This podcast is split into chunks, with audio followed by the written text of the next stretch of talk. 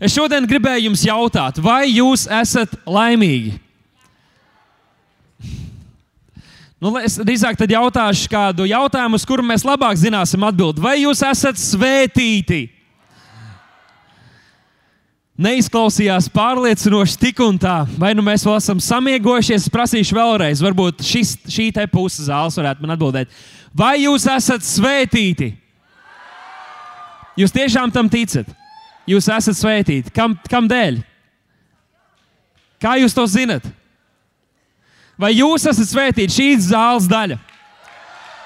Arī tur aizmugurē, tur pavisam tālu, jūs esat svētīti. Jūs esat, jā? Ja?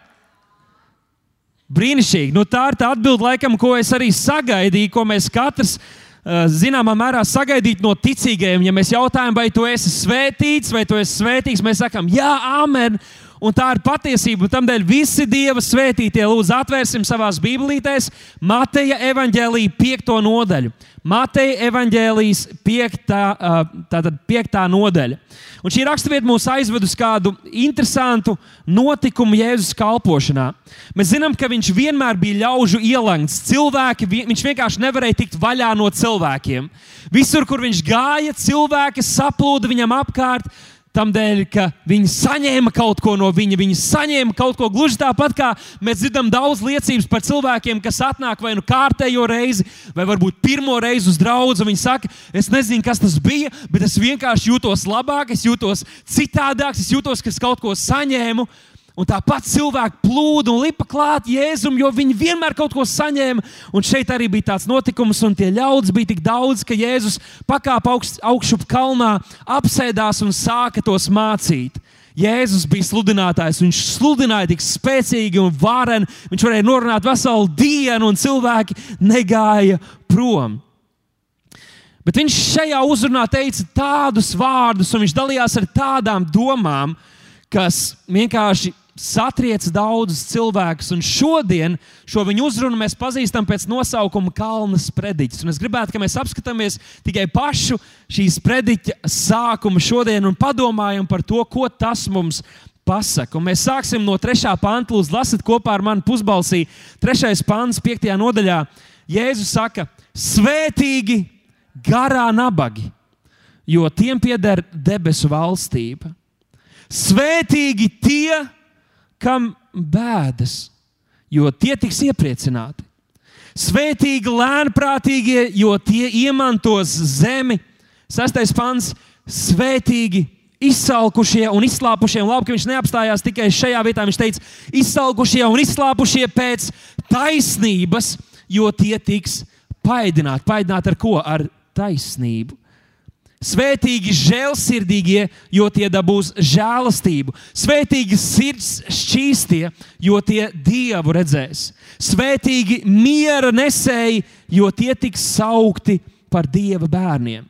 Cik daudz mēs atnesam mieru dažādās situācijās, nevis haosu, nevis satraukumu citiem, bet mēs nesam mieru. Tad Jēzus saka, ja jūs esat tādi, jūs tiksiet saukti Dieva bērni. Svētīgi taisnības dēļ vajātie jo tiem pieder debesu valstība. Svētīgi jūs esat, ja jūs lamā un vajā ar meliem par jums runā visu ļaunu manis dēļ. Esiet priecīgi un līgsmi, jo. Esiet priecīgi un līgsmi. Un tagad lasām visu kopā skaļi un priecīgi un līgsmi. Jo jūsu alga, teiksim, mana alga, jo mana alga ir liela debesīs. Esiet priecīgi pēc visa šī garā teksta, kas pats par sevi nešķiet pārāk iepriecinošs. Jēzus saka, tomēr esiet priecīgi un līgsmi, jo jums ir liela alga debesīs. Vai šis teksts, ko mēs tikko lasījām, pavisam nesašķoba to, kā mēs tipiski domājam par to, kā izskatās svētīta dzīve? Parasti mēs domājam, ka dzīvot svētītu dzīvi nozīmē dzīvot dzīvi, kur nav nekā no visa šī, ko Jēzus tikko uzskaitīja. Vai tiešām Kalnas prediķī Jēzus cenšas mums iestāstīt, ka mēs varam uzskatīt sevi par laimīgiem, par svētītiem, ja mēs esam izsalkuši, izslāpuši, vajāti, lamāti un apmeloti nabagi? Vai tas bija tas, ko Jēzus mums cenšas pateikt? Mēs taču domājam, ka svētīta dzīve ir pavisam citādāka, bet ja nu dievišķa svētība nav tikai viendimensionāla, ja tai ir vairākas dimensijas, es esmu pārliecināts, ka Jēzus šos vārdus runāja, uzsverot otro vai svarīgāko svētības dimensiju. Un te nav runa par personības dubultošanos, bet gan par divām paralēlām realitātēm, kurām mēs vienlaicīgi esam daļa. Pirmā, protams, ir fiziskā vai laicīgā. Tā ir tā, kur mēs visi ļoti labi apzināmies. Ja tu iekniepsi sev blakus sēdošajam, viņš tūlīt reaģēs, jo mēs ļoti labi apzināmies savu fizisko realitāti. Un tamdēļ arī mūsu mācītājs ik pa laikam saka, lai mēs pabakstam to, kas sēž mums blakus, jo tas mums palīdz neaizmigt. Tas mums palīdz ko? Neaizmigt, vai palīdz mums koncentrēties. Jo, ziniet, bieži ir tā, ka, ja dupsis paliek komfortablā stāvoklī, tad arī smadzenes atslēdzas, diemžēl. Es pat pateicu to tādā interesantā izloksnē.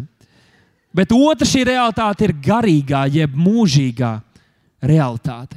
Un tā ir tā, par kuru mēs visvairāk lasām jaunajā derībā. Tā ir tā, par kuru visvairāk dievu vīri runāja to ļoti bieži savienojot ar šo fizisko vai laicīgo realitāti. Nu, kā piemēram, mēs varam skatīties uz to tā.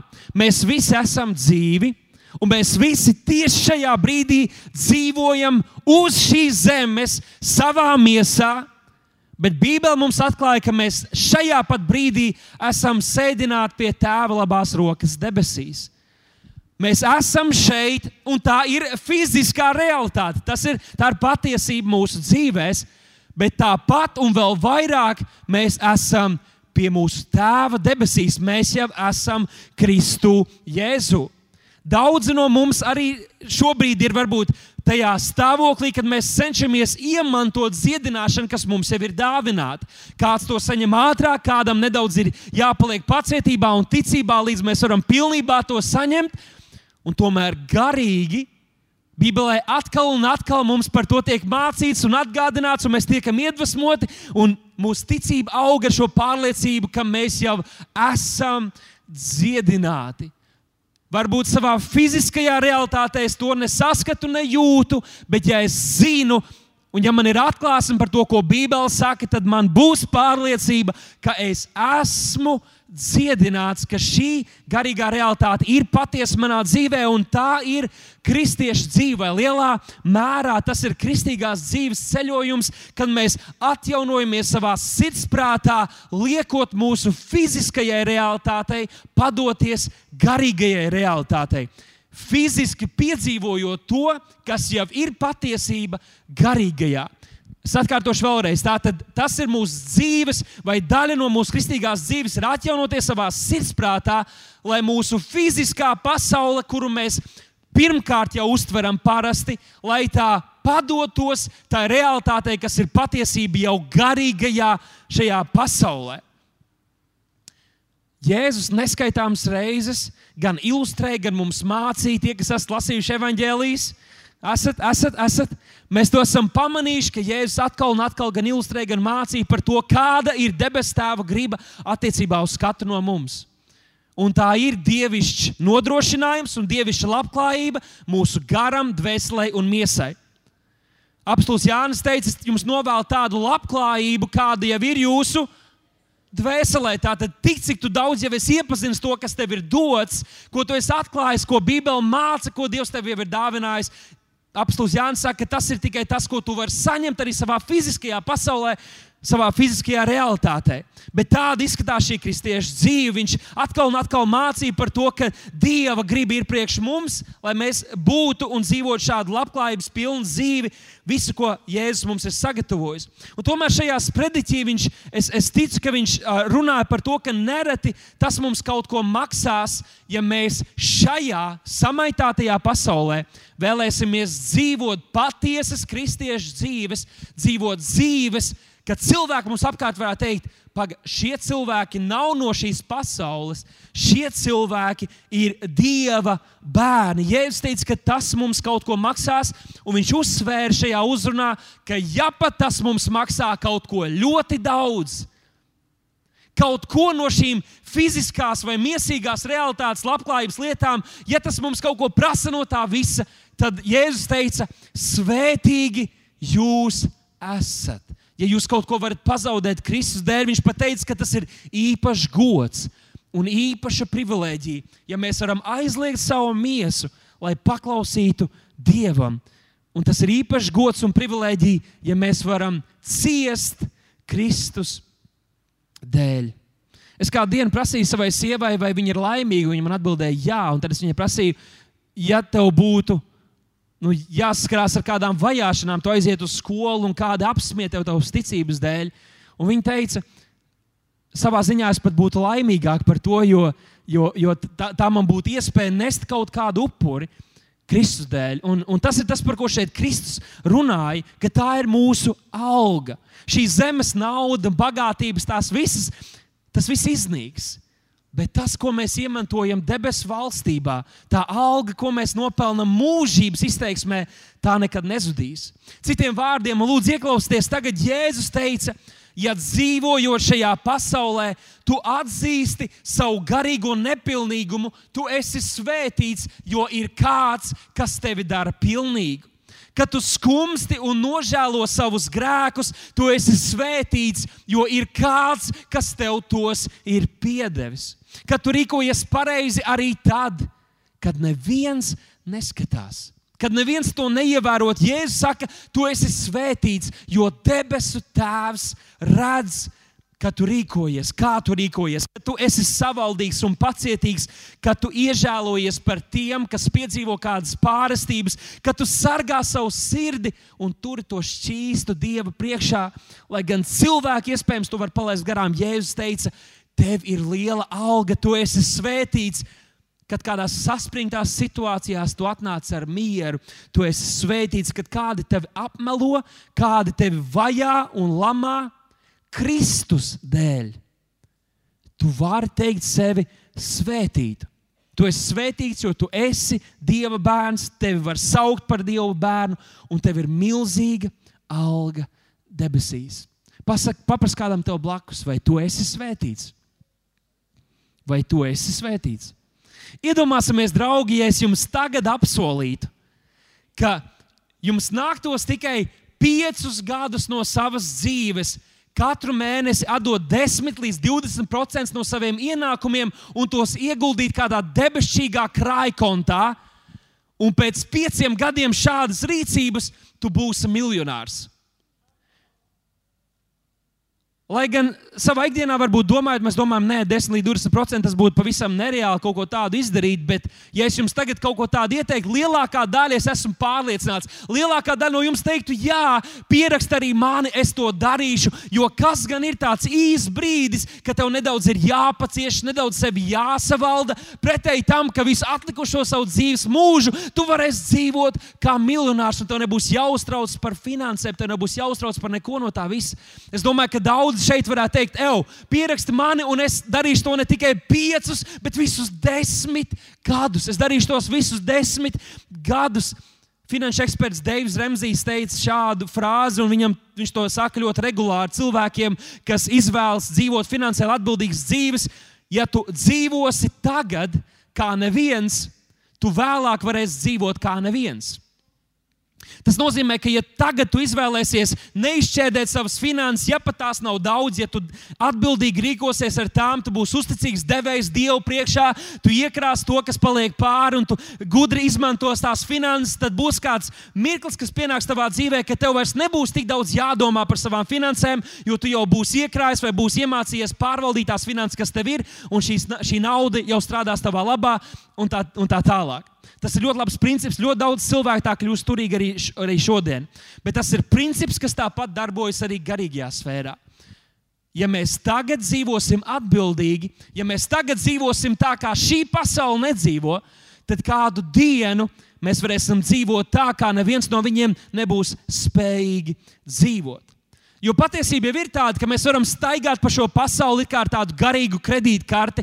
Jūs zināt, ka ļoti populāri tagad ir kredītkartes, ātrie kredīti, un mēs varam staigāt pa šo pasauli, iegādājoties lietas, kas mums nav vajadzīgas, ar naudu, kas mums pašiem nepieder, lai beigās mēs atskārstu, ka visas šīs lietas, ko mēs esam ieguvuši, ka mēs to nevaram ne, ne paturēt, ne mēs to varam paņemt līdzi, jo kā pliki mēs šajā pasaulē ienācām tā es atvainojos, tūlīt, kas tik ātri runāja. Tā pliki mēs arī aiziesim. Neko no šīs pasaules mēs līdzi nevaram paņemt. Bet pretēji, kā es iepriekš teicu, ja mēs ieguldam savu dzīvi mūžībā, Mēs ieguldām šajā bankas krājkontā, debesīgajā, kur šis viss, ko mēs ieguldām, pavairojas ar nenormāli milzīgiem procentiem, tad tas ir kaut kas ieguldījuma vērts. Tas ir kaut kas ieguldījuma vērts, un varbūt jūs nu, iedomāsimies, cik, cik, cik, cik liela ir mūsu dzīve salīdzinot ar mūžību. Mūsu dzīve, pat ja tu nodzīvos garu mūžu, nu, tas ir 80, 90, varbūt kādam 100 gadu, ja tu dzīvotu Japānā, varbūt 101. Un tomēr uz mūžības fona mēs nevarētu pat saskatīt šo mazo dzīvi.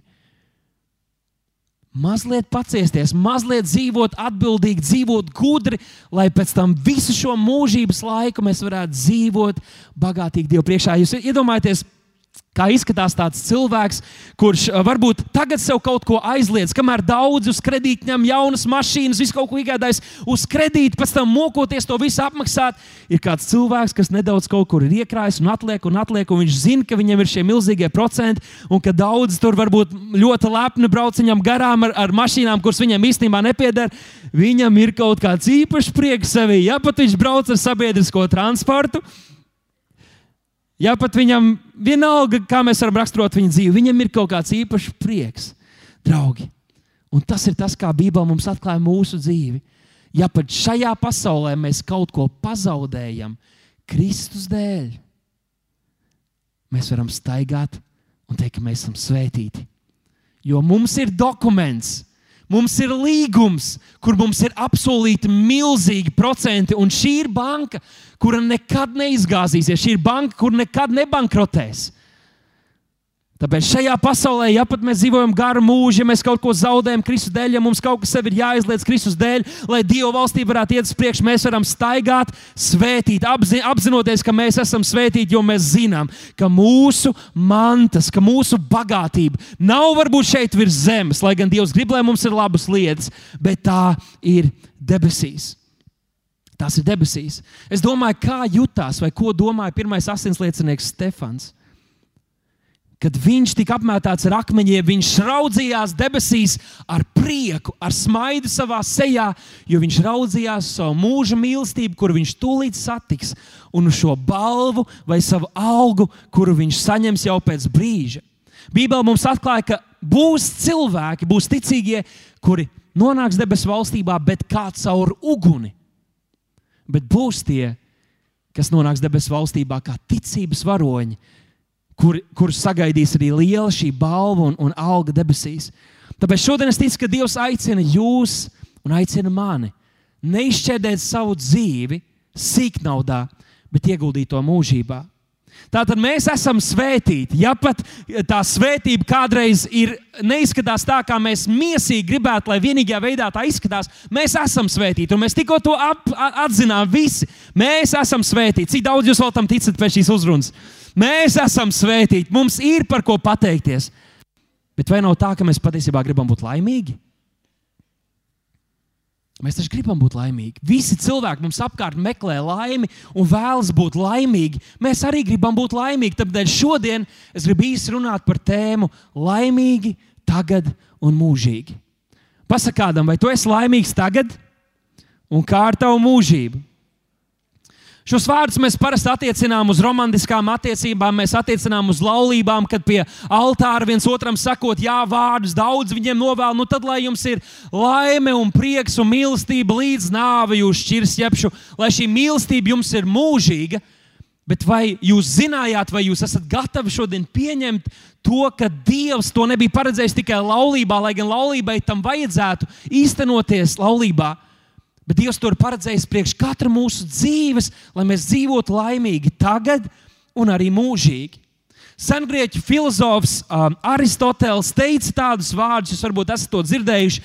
Laime ir dzīves jēga un mērķis. Viss cilvēka esamības nolūks un galamērķis.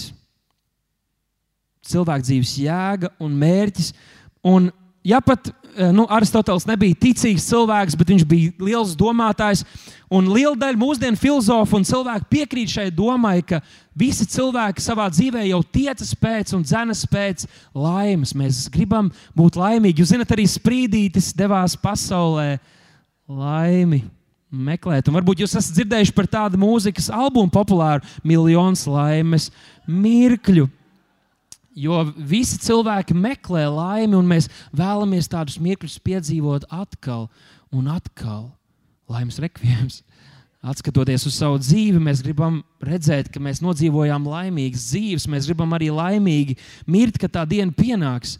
Bet tiek uzskatīts, ka cilvēki, cilvēkus motivē četri avoti. Katram varbūt ir viens specifiskais avots, četri avoti, un es tos nosaucu par motivācijas knabu. Motivācijas knaba tas nav korupcijas novēršanas un apkarošanas birojas, bet tas ir motivācijas knaba. Un mazliet, mazliet padomāsim par to. Pirmais, kas cilvēks motivē un kur cilvēki cenšas atrast savu laimi, ir karjera. Ka tu vari darīt kaut ko labāk par citiem, tu gribi sasniegt kaut ko karjerā, un tā ir vieta, kur cilvēki atrod savu laimi, atrod savu dzīves jēgu, un tas ir tas, kas viņus motivē dzīvot. Varbūt, kamēr es šo runāju, to arī saprotu kaut kur dziļi savā sirdī. Jā, es esmu tas cilvēks. Tā ir viena no lietām, kas motivē mani dzīvot. Otrs ir nauda, ka tu gribi būt turīgs, tu gribi nopelnīt daudz naudas, materiālās lietas. Arī tas ir kaut kas, kur cilvēki cenšas atrast savas dzīves laimi un motivāciju. Trešais ir attiecības. Tas ir veidot romantiskas attiecības, izveidot savu ģimeni. Ir daudz cilvēku, kur jūtas laimīgi bez nekā, ja vien viņam ir viņa mīļotais cilvēks un bērniņi, ar kuriem viņi var dzīvot kopā. Protams, tas dod daudz prieka, bet vai tas ir tas, kur mums vajag meklēt mūsu dzīves? laimi. Un ceturtais ir brīvība, ka tu vari darīt to, ko tu gribi, kad tu gribi, kur tu gribi. Brīvība, ka neviens tev nekontrolē, tu vari darīt vienkārši, ko tu gribi. Tā, tās, ir, tās ir tās vietas vai avoti, kur cilvēki šajā pasaulē, un varbūt arī kāds no jums ieraudzījāt, kur no šiem ir avots, kur jūs meklējat motivāciju dzīvot un arī laimi Bet apskatīsim arī trīs populārākos laimes zagļus. Un šie iespējams jūs pārsteigs. Trīs populārākie laimes zagļi ir tie, ko mēs kādreiz domājam, ka tie ir laimes devēji. Pirmais ir draugas, drauga, drauga dra, dzīves drauga izvēle. Dzīves drauga izvēle. Tātad cilvēks, kur tu biji cerējis, kas dos tev laimi dzīvē, var kļūt par to, kas nozog tavu laimi, kas atņem tavu laimi. Es, es esmu dzirdējis, es pats to neesmu piedzīvojis, bet esmu dzirdējis, ka visbriesmīgākais ir, ja tev mājās ir kāds, kas tevi zāģē. Vai nu tas ir tavs vīrs vai sieva, tu atnāc un tu visu laiku tiec zāģēts. Tu jūties kā tāds trulls baļķis. Tu aizēji uz darbu, tevi zāģē, bet vismaz tur tev par to maksā. Tu atnāc mājās, tevi zāģē, bet neviens tev par to nemaksā. Tādēļ grūti ir to paciest. Otrs Otra izvēle, kur cilvēki uh, zaudē laimi, kas apzog cilvēkus, ir karjeras izvēle. Kad tu saproti, ka tas, ko, ko tu proti, tas, ko tu dari, nav kaut kas, kas tev pat interesē, nav kaut kas, ko tu gribi darīt, kas tev, kas tev patīk, ka tu vienkārši to dari, lai nopelnītu naudu. Un trešais ir izglītības, uh, izglītības izvēle. Tas ir, ka tu esi kaut kur ļoti izmācījies uh, sfērā, kaut kādā, kas tev pat neinteresē un nav nu, noderīgi un nav pat tev bagātinājis. Un cilvēki nožēlo šīs lietas, un tam dēļ, ka viņi tā, šīs izvēles nožēlo, viņi ir nelaimīgi. Un šie cilvēki saka, ka ja mēs varam izdarīt gudras izvēles savā dzīvē un panākt, ka vismaz vienā no šiem punktiem tas nav mūsu laimes zaglis, tad jau mēs būsim laimīgāki par vidējo cilvēku. Ja mēs varam panākt, ka divos no šiem punktiem mēs esam laimīgi, ka tie nezog mūsu laimi, mēs jau varam būt laimīgi. Un, ja visos trīs, tad ir pavisam liela iespējamība, ka mēs varam dzīvot laimīgas dzīves. Un jāsaka, tā ir patiesība, jo dzīves drauga izvēle ir otrais svarīgākais lēmums mūsu dzīvē. Bet, manuprāt, Bībele mums māca kaut ko pavisam citādāk. Bībele mums māca un atklāja, ka pati svarīgākā izvēle, kādu cilvēks var izdarīt savā dzīvē, ir dieva izvēle. Wow, kā tu tā pateici, Dieva izvēle? Tam dēļ, ka mēs visi kādam kalpojam, mēs visi par kaut ko atdodam savas dzīves, mēs visi iztērējam savas dzīves par kaut ko. Jautājums ir, kam tu atdod savu dzīvi, kam atdod uh, dzīvi tie līdzcilvēki, kas tev ir apkārt. Varbūt šajā brīdī viņi to nenožēlo, bet pienāks brīdis, kad viņi gaužām nožēlos to, ja viņi par savas dzīves dievu un savu kungu ir padarījuši kādas no šīm pasaules lietām, sevi vai sātanu. Tā ir izvēle. Jo, ja tu to esi izvēlējies, ja tu esi devis savu dzīvi Jēzum Kristum, tu vari teikt sevi laimīgu, jo tā ir pati svarīgākā izvēle tavā dzīvē. Ja visas pārējās izvēles, tu salaisti kļūdas, tad šī ir izvēle, kur tu vari teikt, es esmu laimīgs, jo esmu nokārtojis šo eksāmenu, jau priekšlaicīgi tu esi pārcelts nākamajā klasē, un tu vari teikt, es esmu laimīgs, jo šī draugi ir svarīgākā izvēle, kādu mums vajag izdarīt savā dzīvē. Bet otrais, spēcīgākā motivācija, es domāju, ka nav kāds no šiem knabavotiem, bet tā ir dzīves jēga vai šis dievišķā nodoma apzināšanās, kad mēs saprotam, ka mēs šajā dzīvē neesam nejaušība, ka mēs neesam nokrituši no tukša gaisa, ka mēs esam šeit ar kādu mērķu un nolūku, ka ir kāds dievs debesīs, kas mūs ir radījis un nolicis šajā pasaulē, šajā laikā, lai mēs kaut ko izdarītu, ka mēs dzīvojam ar šādu apziņu. Tas ir kaut kas, kas mūs var motivēt, cīnīties, iziet cauri grūtībām, kad mēs saprotam, mēs nedzīvojam tikai priekš sevis, mēs dzīvojam kaut kam daudz, daudz lielākam. Un mēs varam izdzīvot tikai šādu dzīvi un šādu aicinājumu tikai un vienīgi roku rokā ar mūsu tēvu un radītāju un mūsu glābēju. Bet abos šajos punktos, runājot un domājot par tiem, mums nākas secināt atzīm, acīm redzamo, ka cilvēka dzīves lielākā motivācija un laime ir Jēzu Kristu. Patiesa laime ir Jēzu Kristu. Patiesa laime ir Jēzu Kristu. Bībelē mums māca, meklē savu prieku savā kungā. Meklē savu prieku savā kungā. Tas nozīmē, ka ja tev nav Jēzus, tu nevari iemantot patiesu laimi un patiesu mieru, jo patiesa miers un patiesa laime nav atrodami ārpus mūsu kunga Jēzus Kristus. Visi cilvēki ilgojas pēc tā, visi cilvēki meklē to tajā pašā laikā, ar savām kājām saminot vienīgo, kas var viņiem dot šo patieso laimi un prieku. Mūsu laime, draugi, nedrīkst atkarīgi būt no apstākļiem. Daudz kristiešu uzskata, ka laime un prieks nav savienojami ar svētu dzīvi ar svētu dzīvi un taisnu dzīvi, bet tie ir meli. Mēs lasām par Jēzu, ka viņš bija priecīgāks, viņš bija svaidīts ar prieku eļu vairāk kā visi cilvēki viņam apkārt. Tas nozīmē, ka, ja jūs ieietu tādā sapulcē, kur būtu tūkstoši cilvēku, tad pats laimīgākais un prieka pilnākais visu to cilvēku vidū būtu mūsu kungs un glābējs Jēzus Kristus. Bībelē mums atkal un atkal saka, lai mēs priecājamies. Patiesībā tā ir pavēle. Ir tik daudz raksturvietas, kas mums māca, lai mēs priecājamies īpaši tad, kad ir grūti. Vecajā darbā mēs lasām, ka Izraēla tauta tika sodīta par to, ka viņi nekalpoja Dievam ar prieku. Un tas nozīmē, ka ja cilvēki tika sodīti par nepriecāšanos, un tā ir pavēle priecāties, tas nozīmē, ka tā ir mūsu izvēle. Un tā ir mūsu varā. Mēs to varam kontrolēt, vai mēs esam un jūtamies laimīgi, un vai mēs izpaužam prieku vai nē. Es ceru, ka jūs man varat izsekot. Tā ir mūsu izvēle. Daudz domā, ka laime ir rezultāts un nevis izvēle. Viņi domā, ka ja viņu dzīvē nebūtu nekāda problēma un visa kā viņiem būtu diezgan, tad laime būtu stāvoklis, kas būtu sekas še, še, šiem apstākļiem, bet tie ir meli. Jo laime nav atrašanās stāvoklis, bet gan apziņas stāvoklis. Pateikšu vēlreiz, laime nav atrašanās stāvoklis, bet gan apziņas stāvoklis. Tu vari būt laimīgs pat ja apkārt ir grūta situācija. Pat ja apstākļi apkārt ir smagi, tu vari būt laimīgs. Patiesa laime un apmierinātība nav atkarīga no apstākļiem. Patiesa laime ir Jēzu Kristu. Jaunajā derībā, kad ir lietots šis vārds svētīgs, tas nāk no grieķu valodas vārda makairos, makarijos, kas nozīmē svētīts, pārlieku svētīts vai saukt par svētītu. Kad es varu tevi saukt par svētītu, tas nozīmē, nozīmē šis vārds, bet tāpat šis vārds nozīmē laimīgs, laimīgāks par vai uzskatīt par laimīgu. Saka, uzskatīt par laimīgu. Tātad, ja es varu sevi teikt, svētītu, es varu sevi uzskatīt par laimīgu.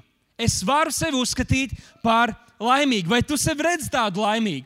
Arī vecajā darbā mēs redzam šādu pašu vārdu svētīgs. Piemēram, uh, piemēram 32. psalmā jau pirmajā pantā ir rakstīts šādi vārdi: Svētīgs, kam pārkāpumi piedoti, kam grēki nolīdzināti, svētīgs tas cilvēks, kam tas kungs nepielīdzina viņa vainu, kuras sirdī viltības nevaid.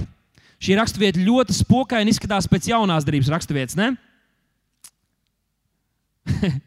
Tātad jaunajā derībā dievu vīriem citējot vecās derības tekstus, šo vārdu ešer, viņi iztulkoja vai citējot šos rakstus, viņi lietoja grieķu valodas vārdu makarijos, kas nozīmē, ka gan vecajā, gan jaunajā derībā vārds svētīts nozīmē laimīgs. Vārds svētīts nozīmē laimīgs. Un tādēļ tie no jums, kam ir jauna, jaunā tulkojuma, šis eh, jaunais tulkojums mūsu bībelītēm, jūs jau pamanījāt, ka kalna sprediķis jaunajā tulkojumā ir kļuvis par laimes sprediķi. Par laimes sprediķi, jo šeit Jēzus saka, laimīgi ir garā nabagie, laimīgi ir apbēdinātie. Un, ja mēs nesaprotam visu to, par ko esam runājuši iepriekš, tad laimīgi ir apbēdinātie pavisam nešķiet sakarīgi Bet Jēzus saka, laimīgi jūs esat, ja jūs bēdājaties par to, ka jūs varbūt netiekat ar kaut ko galā, jūs bēdājaties par savu grēcīgumu, jūs nožēlojat savus grēkus, jo jūs esat laimīgie, jūs esat starp tiem laimīgajiem, kam grēki ir piedot, un jūs varat teikt sevi laimīgus. Jūs tādi esat. Varbūt tāpēc mūsu sabiedrībā nav pieņemts prasīt, vai tu jūties laimīgs, bet gan vai tu esi laimīgs, jo laime nav sajūta Laime nav atkarīga no kaut kādiem apstākļiem. Laime ir iekšējs stāvoklis, kādā mēs varam būt un kādā mums vajadzētu atrasties vienu mēru un visu laiku. Tāpēc lūk, ieteikums katram no jums. Ja, ja jūs gribat, jūs varat to ņemt vērā. Kad kāds jums prasa, kā jums iet, jūs varat atbildēt, labāk kā esmu pelnījis, jo tā ir patiesība. Ja es saņemtu to, ko es esmu pelnījis, mana dzīve izskatītos briesmīgi. Es ietu uz elli, nesvētība būtu pār manu dzīvi un tā tālāk. Labākā es esmu pelnījis, bet kad kāds jums prasa, vai tu esi laimīgs, un vai ir kāds, kādreiz jums prasa, vai tu esi laimīgs, varbūt dzīves draugs, kaut ko ir sagrākojies, un tad prasa, vai tu esi laimīgs. Tad, nu, šodien nē, pankūks vakarā nebūs tev. Kad jums prasa, vai jūs esat laimīgi, jūs varat teikt, es esmu pārāk svētīts, lai būtu nelaimīgs. Es esmu svētīts. Es esmu svētīts, es esmu laimīgs. Es esmu patiesi laimīgs. Laime nedrīkst būt atkarīga no kaut kādiem apstākļiem, jo tad mūsu laime visu laiku pazudīs un kritīs. Un, un, un tā var beigties, un mēs atkal varam būt nelaimīgi. Laimē jā, mūsu laimē jābalstās kaut kur, kaut kamā, kas ir daudz stabilāks par to, kas notiek apkārt mūsu dzīvēm. Neļauj savai laimē balstīties lietās, kuras tu vari pazaudēt, vai apstākļos, kur var mainīties. Un tādēļ šodien es nāku klajā ar šo laimes definīciju, kurai iespējams pasaule nepiekritīs. Bet jūs, jūs kas mīlat Jēzu, jūs visdrīzāk piekritīsiet man. Un tas ir, ka laime ir pazīt Dievu un dzīvot Viņam. Tā ir patiesa laime. Pazīt Dievu un dzīvot Viņam viņam. Jo patiesība ir tāda, ka mēs nekad nevarēsim apmierināt visas mūsu vajadzības. Nekad. Visas mūsu iegribas, nekad. Tām nekad nav gala. Mēs redzam, ka ir cilvēki, kuri ir sasnieguši visu, kur ir vienkārši varētu nopirkt Latviju un visas Baltijas valstis, bet viņiem tik un tā nav gana. Kaut kas vēl pietrūkst. Bet tas, ko mēs varam iemācīties, ir aizliegt sevi. Un par to runāja Jēzus, par to runāja jaunās darbības atklāsme. Ja tu gribi būt mans māceklis, ja tu gribi būt patiesi laimīgs, ņem savu krustu, aizliedz sevi un seko man. Tad, kad mēs iemācāmies aizliegt sevi, brīžos, kad mēs gribētu rīkoties citādāk, kad mēs gribētu reaģēt miesā, kad mēs gribētu rīkoties tā, kā šī pasaule, kā šajā pasaulē ir pieņemts, kad mēs rīkojamies ne tā kā pie cilvēkiem, mēs esam svētīti Un tā ir patiesa laime. Es, es varētu runāt par bērniem, bet par, es vēl neesmu uzaudzinājis bērnu, bet es esmu dzirdējis, ka tas tāpat tiek teikts par bērniem. Bet es runāšu par suņiem. Arī Jēzus pielīdzināja tur vienu to sievietes sunim. Par suņiem saka tā, ka suns ir nelaimīgs, ja viņam nav skaidrs robežas. Ja viņš vienkārši savā vaļā, viņam nekas netiek mācīts, viņš vienkārši dara, ko viņš grib, viņš var sajūt prātā, un viņš ir nelaimīgs, jo mēs esam radīti. Cilvēki, radība, visa mēs esam radīti tā, ka mums ir jābūt noteiktām robežām mūsu dzīvē, un tad mēs esam laimīgi. Tāpat tas, tie, es nezinu, vai vecāki jūs varat piekrist, bet tāpat tas tiek teikts par bērniem. Es esmu redzējis arī kaut kāds raidījums, kur, kur ir bērni, kas tiek audzināti tādā veidā, ka viņiem viss ir atļauts un tie bērni ir nelaimīgi. Viņiem ir jāzina kaut kādas konkrētas robežas, un tad viņi patiešām laimīgi. Viņi zina, tur es varu, tur es varu. Tur. Un tajā drošajā zonā es esmu patiesi laimīgs un es jūtos drošībā. Kad mēs paklausām Dieva vārdam, kad mēs savu gribu padodam Dieva gribai. Ka mēs līdzīgi kā Jēzus sakam, ne mana griba, ne mans prāts, bet tavs prāts, lai notiek. Tas bija brīdis Jēzus dzīvē, kas bija ļoti smags. Mēs nekad neviens neko tādu nepiedzīvosim. Bet tas bija brīdis, kad es ticu, ka viņš bija patiesi laimīgs, jo viņš padevās Dieva gribai. Un tāpat arī katrs no mums mēs varam būt patiesi svētīti un laimīgi tajā brīdī, kad mēs iemācāmies aizliegt sevi un paklausīt viņam. Aizliegt sevi un paklausīt viņam. Tā ir patiesa laimes atslēga. Pazīt viņu un dzīvot viņam. Kad Jēzus kādu dienu bija kopā ar saviem mācekļiem, un viņš lūdza kādu lūgšanu, ko mēs pazīstam kā augstā priestera lūgšanu, bet nav svarīgs tas nosaukums, to uzlika kāds cilvēks. Tur Jēzus lūdz par šiem mācekļiem, viņiem klāt esot, bet tāpat viņš pastarpināti lūdz par mums, kas mēs vēlāk pievienosimies ticīgo pulkam. Un viņš šajā lūkšanā atklāja tik fantastisku atklāsmi un atziņas. Un viņš būtībā parādīja šiem mācekļiem to tuvību, kādā viņš bija virs zemes dzīvojis ar tēvu.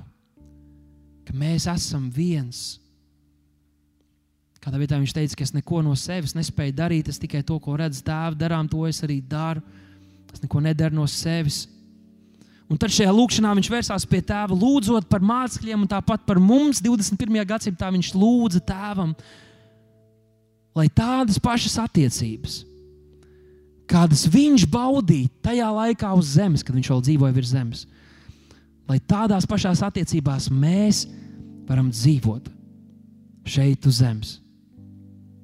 Viņš teica, tēvam, nepaņem viņus prom no šīs pasaules, bet svētī viņus patiesībā, svētī viņus šajā pasaulē un dāvā viņiem spēju baudīt tādu pašu laimi, tādu pašu iepriecu, kādu es esmu baudījis, atrodoties šeit virs zemes.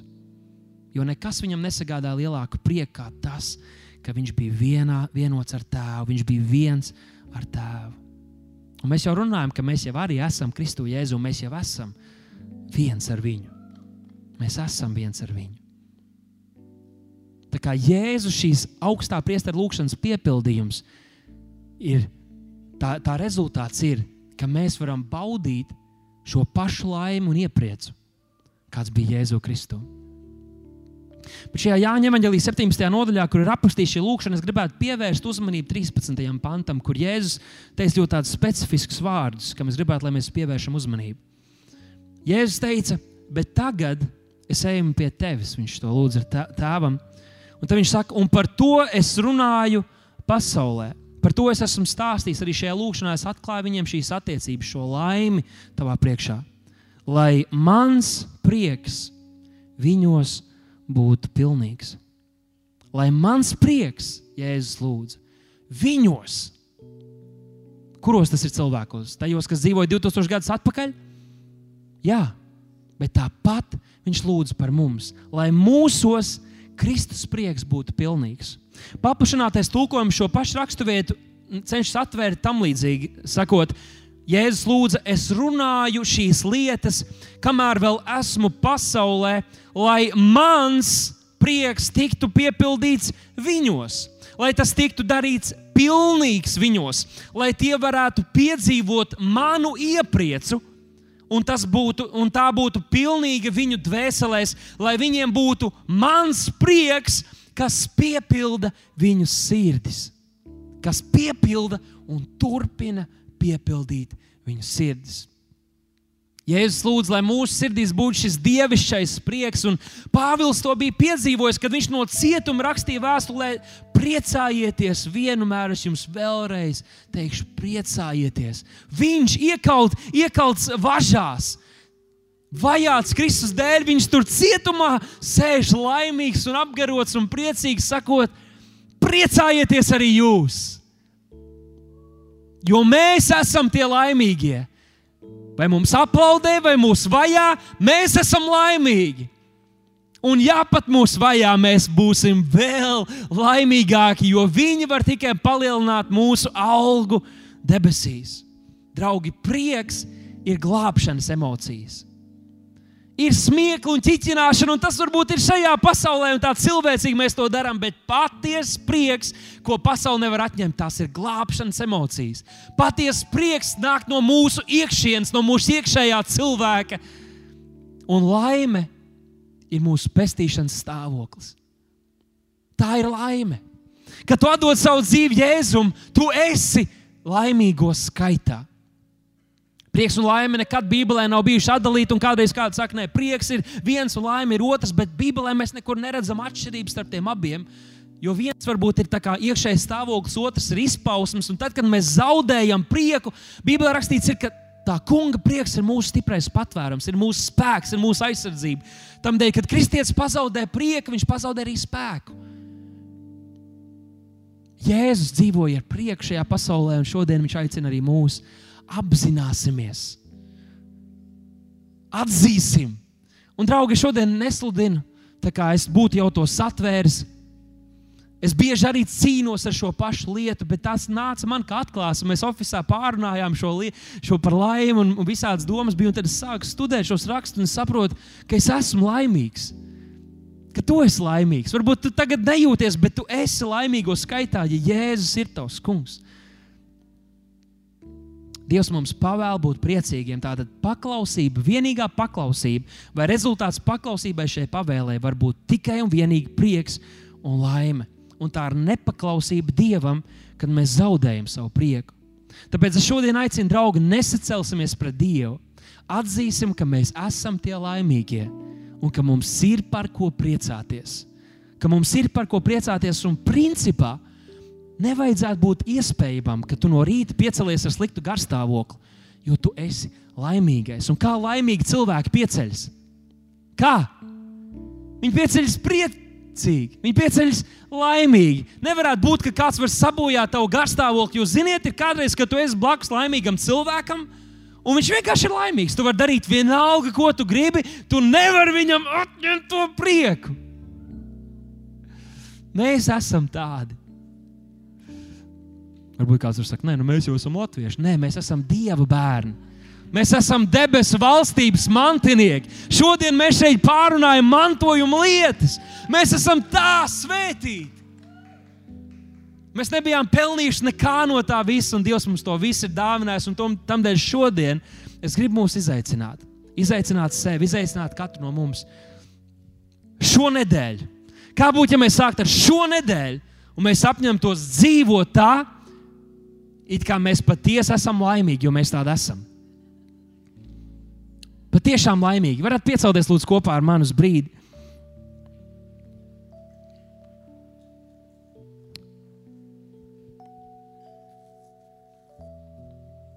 Es zinu, ka daudziem šajā zālē ir bijuši kaut kādi posmi dzīvē. Varbūt, tu tagad esi tādā, ka tu saproti, vai tu domā, ka tev nav vispār par neko priecāties.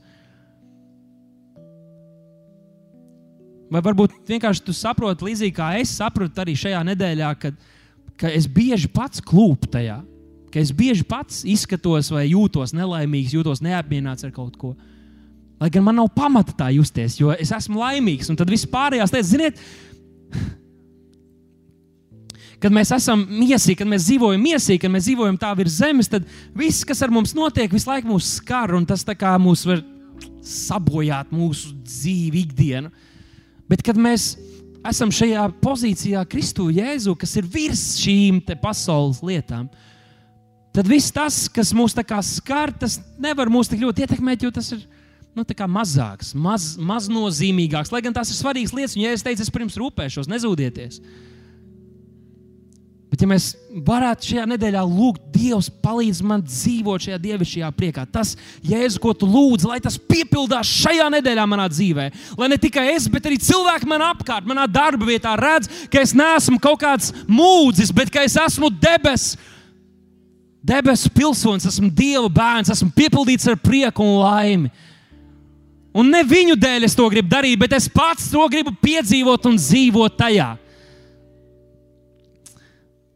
Mēs tūlīt lūgsim pēc brīža. Bet es gribētu teikt, ja tu gribi šodien izdarīt tādu lielu izvēli, un es ne, nelikšu to rokas virsū, jau pats esi laimīgais, bet tu gribi šodien izdarīt tādu lielu izvēli, tu varētu iznākt šeit priekšā, un es būšu arī te kopā ar jums. Un pēc brīža mēs noslēgsim ar slavēšanas dziesmu. Tas būs tāds, kad es saku, šī nedēļa es esmu laimīgs, es apzinos, šī atklāsme ir manā sirdī, un es izvēlos Jau no šī brīža, nevis atliekot uz nākamo svētdienu, nevis atliekot uz pirmdienu, kad mēs sāksim praktizēt to, ko šodien dzirdējām. Nē, jau šajā brīdī, Dievs, es pieņemu tavu prieku, kas ir kā dzīvais ūdens avots manī, un es nes, nepārstāšu priecāties.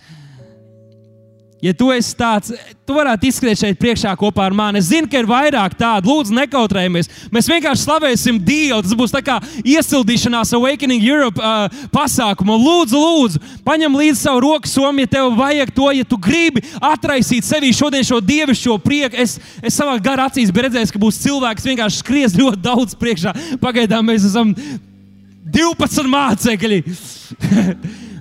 Ja tev vajadzīgs šis dievišķais prieks, iznāc priekšā, saka, Dievs, es nāku to saņemt, es nāku to atraisīt savā sirdī. Es zinu, ka tur ir cilvēki, jums ir jānāk šeit. Vienkārši saka, Dievs, es tas esmu, es dzirdēju, es to pieņemu, bet šodien es negribu aiziet mājās ar tādu pašu attieksmi, ar tādu pašu nostāju. Varbūt, ka tu esi nelaimīgs, ne, varbūt tu atnāc uz draugu neslaimīgs, bet savā darbā, savā ikdienā, savā skolā tu ej ar nopūtām. Dievs grib šodien tev darīt brīvi un teikt, hei, tu esi priecīgs priecīgs, tu esi, tev ir par ko priecāties. Un starp citu, tu esi no prieka vēsts, tu, tu esi draudzē prieka vēsts. Šeit būtu jābūt priecīgākiem cilvēkiem. Es redzu, ka cilvēki vēl nāk, lūdzu, lūdzu, ja tu gribi pievienoties.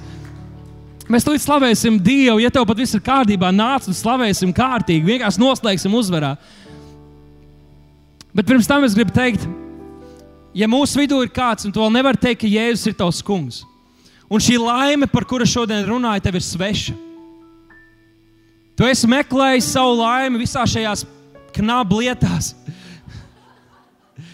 Karjera, nauda, attiecības, brīvība. Bet tu neesi vēl piedzīvojis to patieso laimi. Un tu gribētu to izdarīt šodien. Tad tas ir tik vienkārši. Bībelē mācīja, ja tu tici savā sirdī tam, ka Jēzus ir nomiris pie krusta Golgātā par taviem grēkiem un atsaucies tam ar savu pašu lūgšanu, tad Jēzus ienāk tavā dzīvē, un tu esi glābts, un tu esi, un tu vari būt pieskaitīts šiem laimīgajiem. Tāpēc, tāpēc es tūlītās vadīšu jūs lūgšanā. Mēs visi draugi aizvērsim savus acis, arī tie, kas iznākuši šeit priekšā, un vienkārši apliecināsim to varbūt vēlreiz savā dzīvē. Palīdzot tiem, kas to dara pirmo reizi, jo mēs visi to kādreiz esam darījuši, tāpēc lūdzu nekautrējies. Mēs ļoti priecāsimies par tevi. Tātad mēs aizveram savus acis un atkārtosim šos vārdus. Ir svarīgi, ka mēs tos izsakām skaļi. Arī tad, kad mēs lūdzam Dievu, ir svarīgi, ka mēs neburbinam zem deguna, bet ka mēs paši dzirdam, ka mūsu dvēsele, ka mūsu miesa dzird mūsu lūgšanas vārdus un mūsu ticību. Teiksim visi kopā, debes Tēvs, es pateicos Tev, ka man nav jādzīvo nelaimīga dzīve, ka Tu man esi aicinājis dzīvot jēgpilnu, spēku un laimes piepildīt dzīvi. Tāpēc šodien es lūdzu, Jēzu, glāb mani! Es pieņemu tavu upuri par maniem grēkiem. Paldies Tev, ka mani grēki no šīs dienas ir piedoti, un manas īstās mājas ir debesīs. Es tevi slavēšu! Es tevi pielūgšu, un tevi dzīvošu To es lūdzu Jēzus Kristus varenajā vārdā, un visa draudzene teica, Āmen! Vēl pirms mēs slavējam, pirms mēs atraisām šo dievišķo prieku mūsu sirdīs, es arī te būšu priekšā, ja tu gribi vēl pievienoties, skrien ārā, nepaliec savā vietā. Ja tu šodien lūdz šo lūgšanu pirmo reizi, mēs gribētu uzreiz pēc dievkalpojuma, ja tev, ja tev ir tāda vēlēšanās, uh, atnākt pie šī plakāta laika sarunām, kur būs kāda no kalpotājiem, kas tev varētu vairāk pastāstīt par to, kā mēs varam tev palīdzēt, vai uzdāvināt tev, mums ir kāds dāvinājums, ko mēs varam tev uzdāvināt, iedot arī jauno derību, lai šī laimīgā dzīve, kurai tu esi tu tik, tikko parakstījies, lai tu varētu to arī izdzīvot. Ja tu gribētu man vienkārši, lai mēs zinām, pamāt man ar savu roku, ka tu šodien to lūdz pirmo reizi, mēs gribētu tevi apsveikt. Es redzu vienu roku, vai ir vēl kādas, vai ir vēl kāds, redzu vēl vienu roku, vai ir vēl kāds. Jā, ir vēl viena roka, vai ir vēl kāds. Šodien pirmo reizi lūdzu šo lūgšanu. Vai ir vēl kāda roka? Tur ir, lūkš... Tur ir roka. Priecājamies par tevi. Vai ir vēl kāds? Slava Dievam! Jūs esat izdarījuši pareizo izvēli. Tā ir izvēle, ko jūs nekad, nekad, nekad nenožēlosiet. Bet, nu ko, visa prieka vēsts, vēl neviens neskrien prom, kafejnīca atvērsies laikā, visiem pietiks. Tagad mēs slavēsim Dievu un pateiksim, Dievs, mēs šajā nedēļā izvēlamies dzīvot Tava prieka piepildītas dzīves. Halleluja! Mīlu, kungs, tevi mīlu, kungs, tevi mīlu, tagad es.